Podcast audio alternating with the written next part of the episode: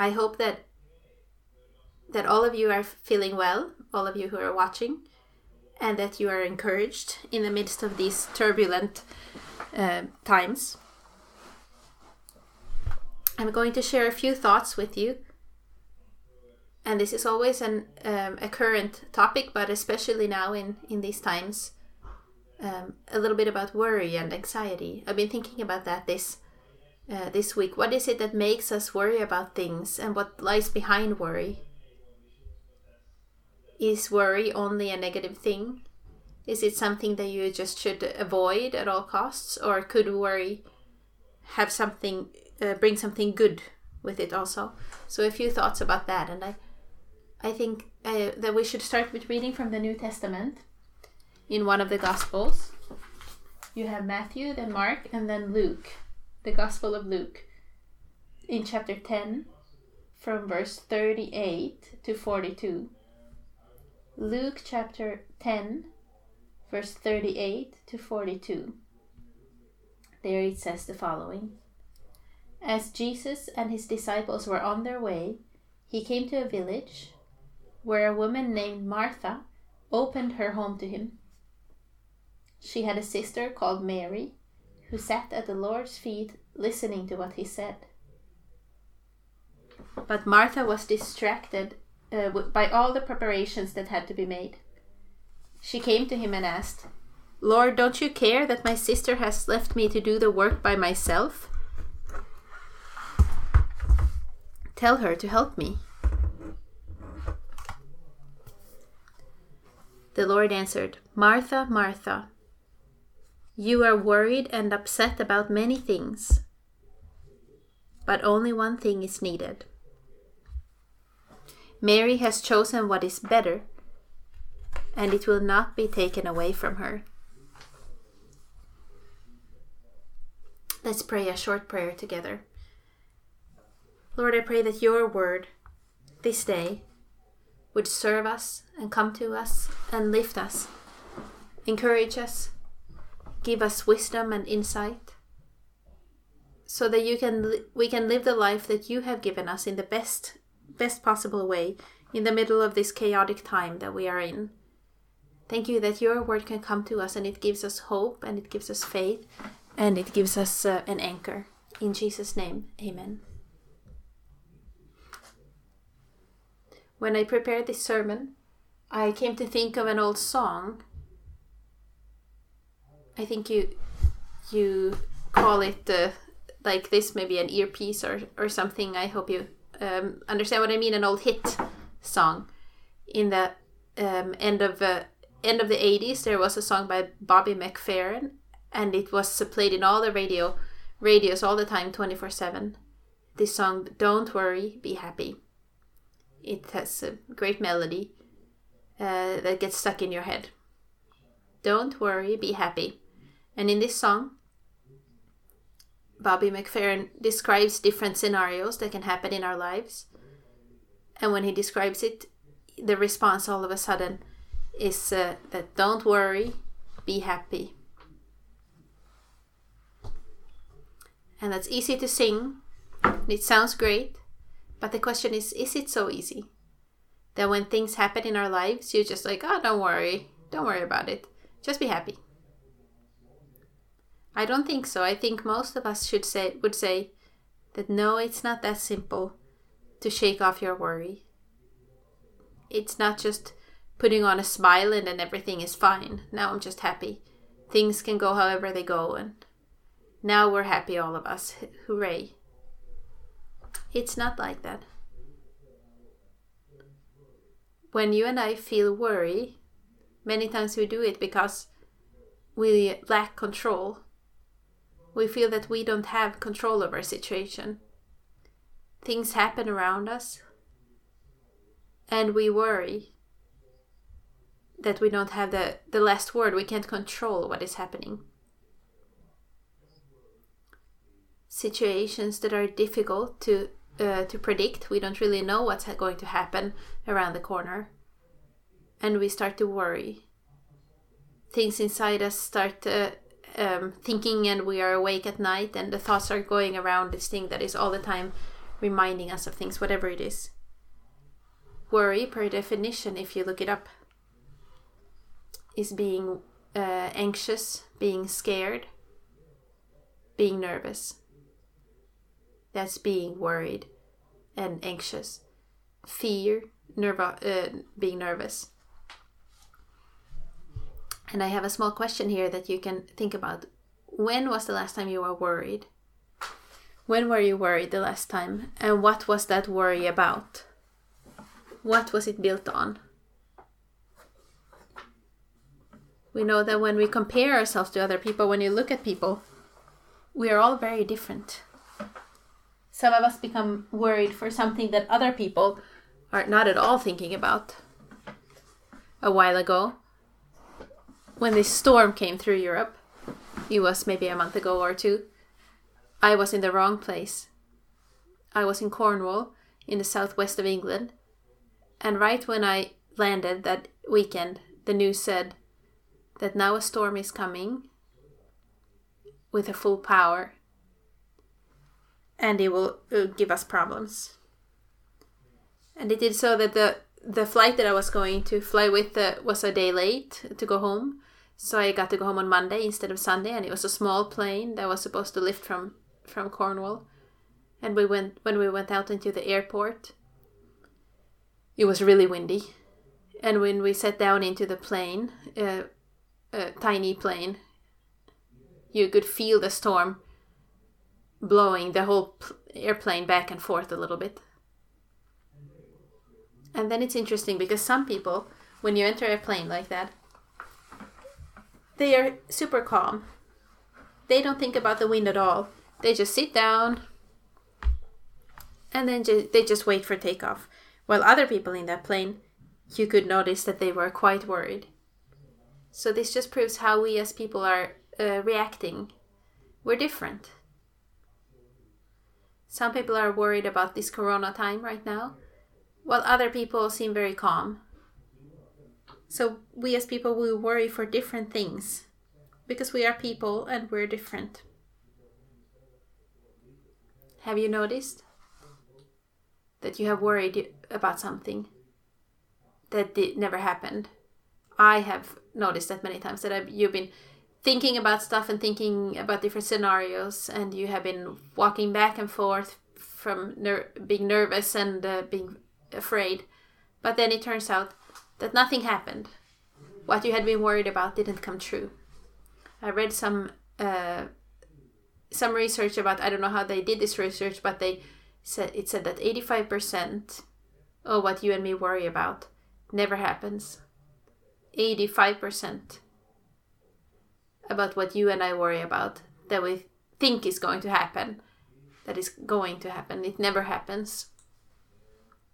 So that means that we worry uh, a lot, and a lot of it is in vain. So if I would uh, say this sermon in one sentence, it would be this sentence Worry in our lives can be a tyrant but also a good servant. So the worry in our lives can be a violent tyrant, but it can also be sometimes a good servant. So I think that you can look at worry from from my perspective. You can look at it from two in two ways. There's meaningless worry. We just read that 85% about what we worry about never happens. And it's kind of an, a meaningless worry that you put down so much time and effort and energy worry, worrying about something that never happens, a meaningless worry. But then there's also the meaningful worry, and it sounds maybe a little bit funny when I say that, but but but don't don't leave, leave me, but hang on, and I will explain.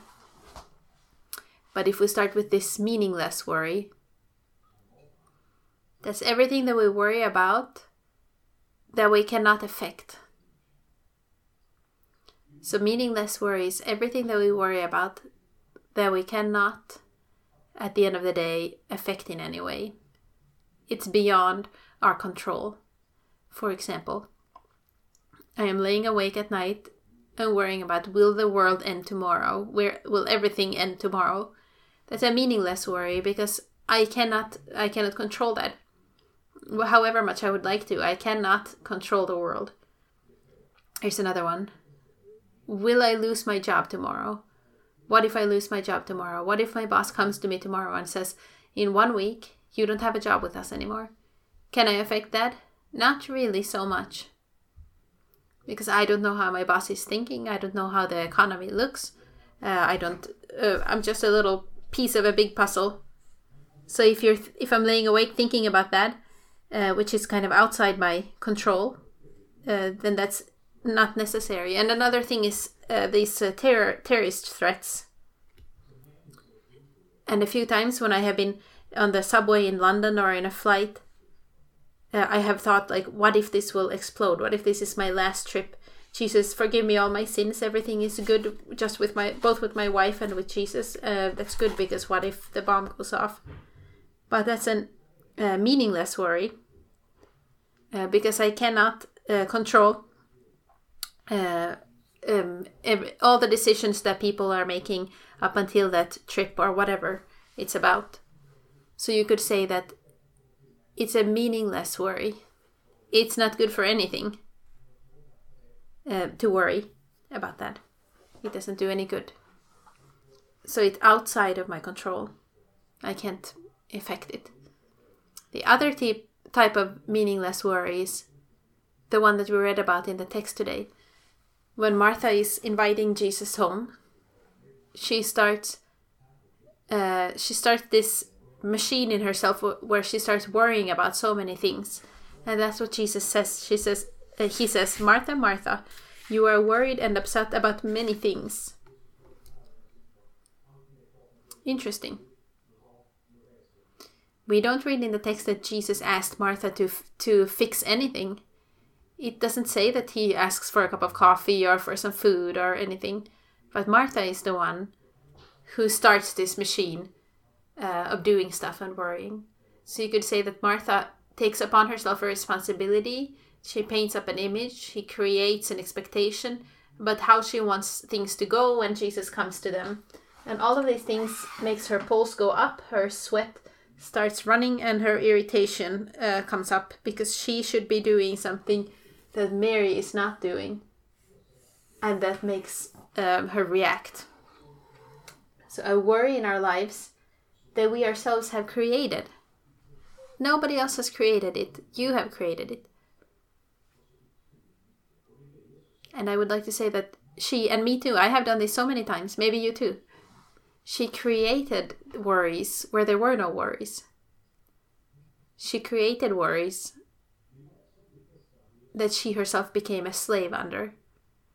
And then I think about what Jesus said at one point. He said, "Don't don't make yourselves anxious about anything." It says in Swedish, at least. Don't make yourselves um, anxieties. So sometimes there are no anxieties until you make them yourself. Jesus says it's unnecessary. Don't put time and energy on anxieties. Don't make yourselves wor- uh, worries. And then we can read in Matthew 6 27 exactly this thing that in this meaningless worry in Matthew 6 27 Jesus says, Who of you by worrying can add a single hour to his life? And uh, uh, the text says that who can add of you a single like uh, measure of a meter to your life like can you make your life any longer? So, what Jesus is saying is that the meaningless worry is not doing anything good in your life. It's not giving you anything. It's not helping you at all. It doesn't give you power or strength or energy. It's not uh, creating any joy, no motivation. The only thing this meaningless worry does is that it takes your energy from you. And if you believe that it will help uh, that wor- worrying will help you, Jesus says it won't help at all. It won't even add a meter to to your life. Martha, Martha, you are worrying. You're putting your time and energy on the wrong thing. and this is the meaningless worry. I said in the beginning that I think there's a meaningful worry also, and I think that sounds maybe a bit strange, but I will explain what I mean. The meaningful worry, that's the thing that we are worrying about that we actually can control and affect. The meaningless worry is the things we worry about that we cannot affect. It's beyond our control. And the meaningful worry, that's the one that we can affect. So maybe we can call it the con- uh, constructive worry. So for a while, maybe you feel that something is wrong in your body. You can't put a uh, your thumb on it, but something just feels wrong in your body. And then finally, you decide that I will go to a doctor. And they uh, take some tests and check your blood and, and your EKG, and they just make a full body check. And then it, it shows that they found something that is not good. That is what I mean about the meaningful worry. You have felt something, you have this feeling of something's wrong and you're thinking about it and what if something is going on? Maybe i should go to the doctor. Ah it's probably nothing. But it doesn't let go of you. So this uh, meaningful worry stays with you. And then it was actually a great thing that you went to the doctor because he could fix it. Or perhaps maybe you have a, a speed in your life. You're like uh, just on the whole time. And within you when you're driving to work you feel that i will i will get burned out but i'm just gonna i'm just gonna do it. I'm just gonna keep going. I will make it. And a week is two and it is a month and it's three months and and still inside of you you have this worry that i will get a burnout. This is too much and i would like to say that this that is a meaningful worry. That life puzzle that we talk about it's uh, breaking down. Or that somebody in a crisis situation like this starts thinking or for some other reason that hold on. Is my life really about this? Is there not anything more in life than this? Is this all there there is to life? Is this the meaning of life that is a meaningful worry and the last thing that you should say to a person then is don't worry, just be happy. That's what you should not say to somebody who is thinking about about these things. Because this is not a meaningless worry, this is a meaningful worry that has something good inside it, even if it doesn't feel good. A few years ago, I was sitting in a personal uh, conversation with a leader somewhere in Sweden. And this person was explaining his life to him. He was maybe around 50, 55 years old there at this time. And this woman was uh, saying that how for for a while she has been feeling this worry, uh, not being content. Is there not something more in my life? There has to be something more than this. Not that she was ungrateful for the job she had or the life she had been living. But at the same time, I notice in our conversation that she gives a signal that she's longing for something more. And then she says, One day, when I brought this up with my husband and started talking to my husband about, honey, don't you think there's something more for us? What if we could just sell our company? And we could move somewhere else. We do something different. What if we would uh, start an orphanage or help people and do something completely different than what we are doing right now? And she said, I started talking to my husband like this. And then my husband answered, she said, Honey, now you're going through a life crisis. That's what this is. It's a life crisis. And then I told her, I don't think you're really going through a life uh, crisis in a negative way. I didn't use these words, but if I would use the words I've been using today in my sermon, I said, uh, That worry that you are feeling right now is not meaningless. But that worry and that longing and the, the fear that you are feeling in your inside you, it's a meaningful worry. Because what you're experiencing right now, if you should start an orph- orphanage or move here or there, that's not the point right now. But this it's this that it's about that God has started working with you because he wants you and your husband to take the next step together with him in your lives. So, meaningful worry is a good servant. So, I said yesterday that a meaningless uh, worry is a tyrant uh, that drives our life away from us, but the meaningful worry is a servant that helps us to to take a hold of things, to reprioritize, to choose to um, to get rid of things in your life or to to uh, do things about a relationship. The meaningful worry helps you to actually start uh, taking action on things to improve things in our lives, but also for the people around us in different ways. The meaningful worry opens up new possibilities for us. The meaningless worry, that's a tyrant. That worry, Jesus says, you cannot uh, cannot do anything to add to your life. But the meaningful worry has, no matter how it feels or how strange it, it feels, there is something good in it that actually can help us move forward in life. So when all this is said that I have said, so then I still think this. What Jesus tells us in John chapter 14, 1.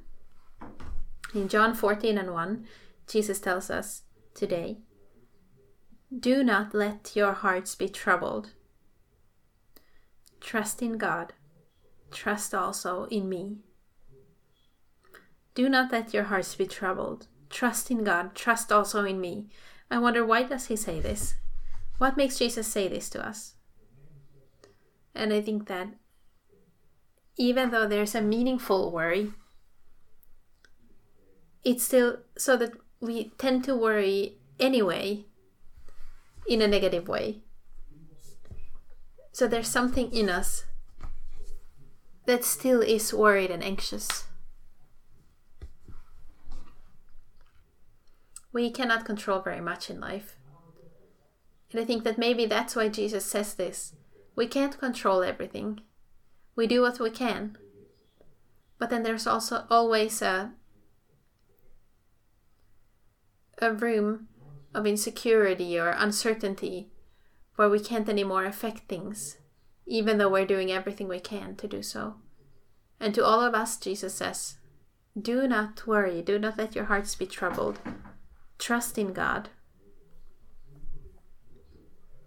There's only one person who has control of everything, and that's God. There's only one who can see everything from the start to finish before we have even seen it, and that's Jesus.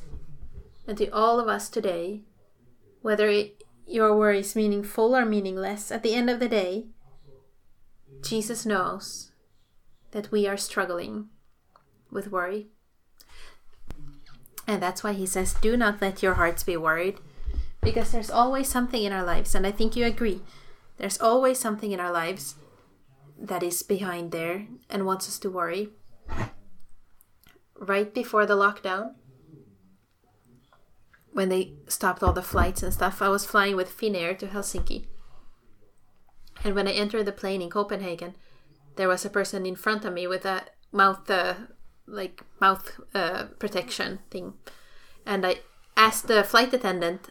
Uh, I, I asked her, "Are you afraid when you're walking back and forth here? People are sneezing and coughing, and are you afraid that you will become infected?" And she looked at me and she smiles and she said, in a great Finland Swedish accent, "No," she said. "There's no worries.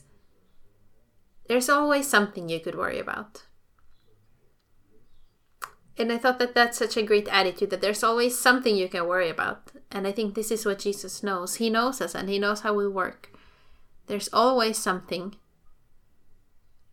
that gives us a reason to worry. And because of that, and this is what I want to finish with, we're starting we need to do what the Mary was doing in this text. Mary sends a signal to all of us today about what kind of attitude we should have to life. What kind of position we can have to life. She sits down at Jesus' feet.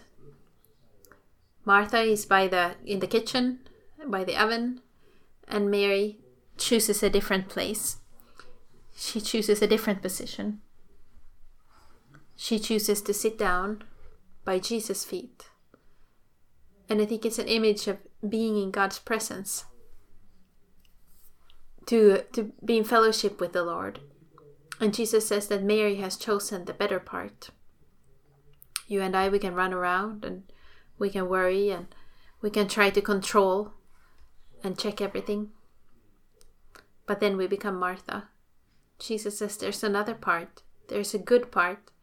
In the midst of a corona crisis, in the midst of the world not knowing which direction should everything take with the fi- uh, the economy and work and health. Jesus says, in the midst of everything, there's a better part for you, and that is to to sit down by my feet, to spend time with me, to prioritize me and my f- closeness don't run around all over the place. Don't try to fix things. Don't lay awake at night and think about stuff, but come to me instead. When you and I are with Jesus, spend time with Him. When you and I spend time with Jesus, it's like the worry uh, fades away and the f- uh, peace comes up instead. We are not driven by worry as much the more we spend time with Jesus the less we are uh, driven by worry and the more uh, our lives are driven by peace. The last Bible passage for today is in John chapter 14 and verse 27. Jesus talks about this. He says, Peace, not worry, peace I leave with you. My peace I give you. I do not give to you as the world gives. Do not let your hearts be troubled, and do not be afraid. So he leaves peace, he gives peace, and it's a peace that is different, Jesus says, than what the world can give. What you and I are looking for and longing for, and what we need, what can uh, still our worry and make it run away, it's the peace that comes from Jesus. And when you and I sit down at Jesus' feet, then we can get peace. And the worry, to summarize, worry can be a violent tyrant, but it can also be a good servant sometimes. The meaningless worry, that's when we are worried about things that are outside of our control we cannot affect it. And Jesus says, Don't worry. The meaningful worry can sometimes be the good servant that helps us uh, make a change in our life to do something good. But at the end of the day, we all of us need to do what Jesus is telling us so that we can live in this time and make it through these ch- the challenges that are at the door. We need to sit down at Jesus' feet and spend time with him and let his presence fill our lives. Because when we are close to Jesus, then his peace takes over uh, our worry. So, two questions to us today. The first one is to think for yourself which worry do I have in my life? What in my life? What kinds of worries are there in my life? Um, especially which ones are meaningless and which worries in my life are actually meaningful. Think about that. Think about your worry. Which one is meaningless and which one is meaningful? And the other reflection is how does things look in my life that I sit at Jesus' feet? And the absolute last quote before I say amen it's from a writer named Mary Crowley. And she says that every evening I give all my worries to God because He will be up all night anyway. And I think that's great. Every evening I give all my worries to God because He will be up all night anyway. So, this was the sermon to you, and I hope it has given you something. Maybe put some words to something that it can be uh, encouraging to you and helping you.